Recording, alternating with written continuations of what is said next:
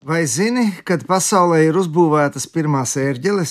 Dažādas vienkāršākas un sarežģītākas flautas bija pazīstamas jau senatnē, bet īpašais seno grieķu izgudrojums bija pāna flauta. Tajā Atšķirībā no parastas flautas ar caurumiņiem, kurus aizsadzot ar pirkstiem, varēja dabūt oktāvu vai pat vairāk no vienas stabules. Katram tonim bija sava stabule.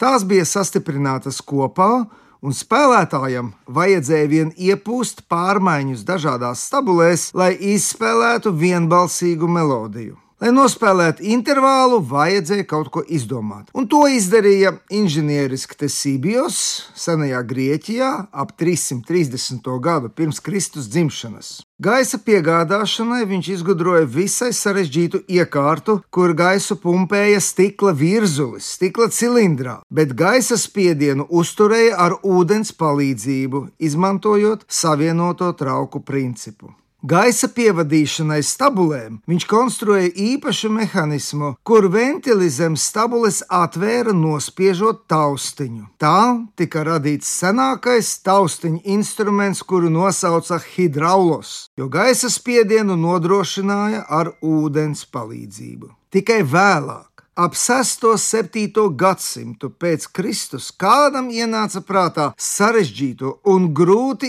izgatavojamo stikla trauku vietā izmantot kalēja plēšas. Ilgu laiku ērģeles palika bagātu nama greznums un izprieca. Tās bija ļoti dārgas un augstu vērtētas augstdzimušo ļaužu namos. Bizantijā tās bieži izmantoja arī hipodromos. Senākās hidraulis paliekas atrastas izrakumos senās Romas pilsētā Akvinkā, tagadējā Budapeštas teritorijā 1931. gadā. Balstoties uz turpat 400 detaļu atradumu, ir izgatavota senā hidraulis rekonstrukcija. 757. gadā Bizantijas imperators Konstantīns V Franku karalim Pipinam uzdāvināja ērģeles ar lielām svinas stabulēm. Viņa dēls Šārls 812. gadā lika iebūvēt ērģeles savā kapelā Āhenē, un līdz ar to ērģeles ieņēma savu paliekošo vietu baznīcās. Tas gan nenotika vienkārši, jo kristiešu dievkalpojumos mūzikas instrumentus lietot daudz vietu nebija atļauts. Šis aizliegums joprojām pastāv austrumu ortodoksajā baznīcā. Rietumu, jeb Romas katoļu baznīcā, ērģeles arvien vairāk tika izmantotas. Sākotnēji starp spēlēm, vēlāk pārmaiņas ar psalmu dziedājumiem. Tāpat ērģeles izmantoja laicīgajā mūzikā kopā ar citiem instrumentiem un dziedātājiem, un viduslaikos jau arvien vairāk parādās ziņas par ērģelēm pilsētu katedrālēs. Vecākais saglabātais ērģeļu korpus, datēts ar 1370. gadu, atrodas Stokholmas vēstures muzejā, kur tas pārvests no Gotlandes.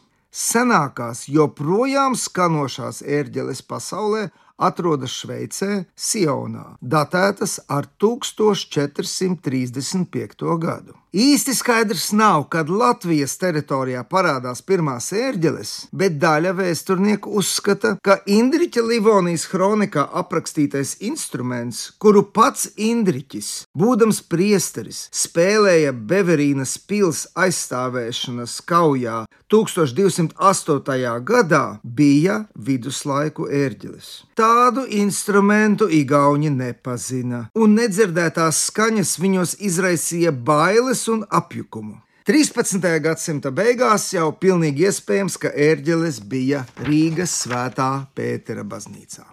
Ērģeļu turpmākajā attīstībā vislielākā loma bija reformācijai. Mārtiņš Luters ieviesa draudzes dziedāšanu. Viņa ieviestais korālis balstījās uz vienkāršām melodijām un ritmisku tekstu pretstatā senākajiem gregoriāniskajiem dziedājumiem, kurus izdziedāt spēja vien mācīts koris neaizvietojams draudzes dziedājuma atbalsts kļuva ērģelis, un līdz ar to sākās to strauja attīstība lielumā un tehniskā pilnveidošanās.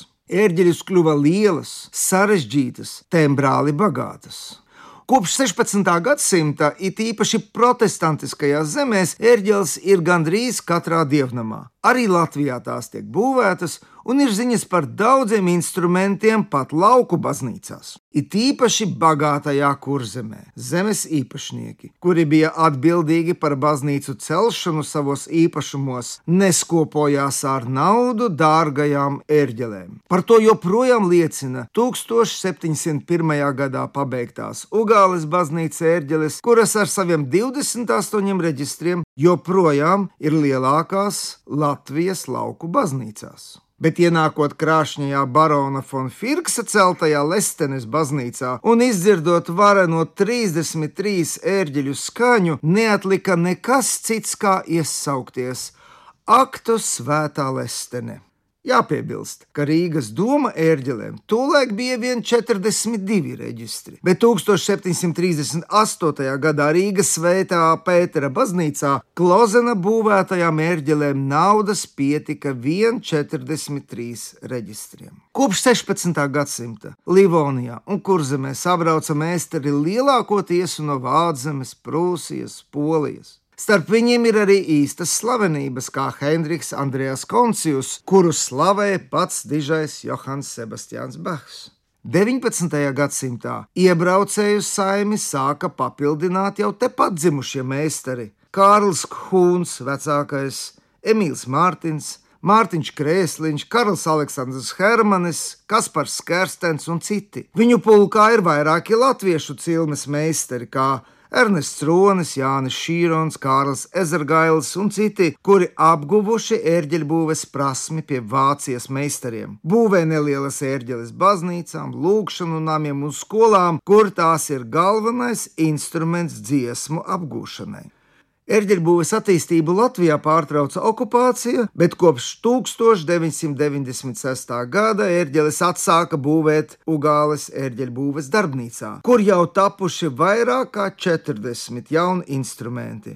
Ugālē būvētās ērģeles skan nevien Latvijā, bet arī Zviedrijā, Somijā, Norvēģijā, Itālijā, Lietuvā. Lielākās ugālē tapušās ērģeles kopš pagājušā gada skan Viļņas visvētākās jaunavas Marijas debesīs uzņemšanas baznīcā.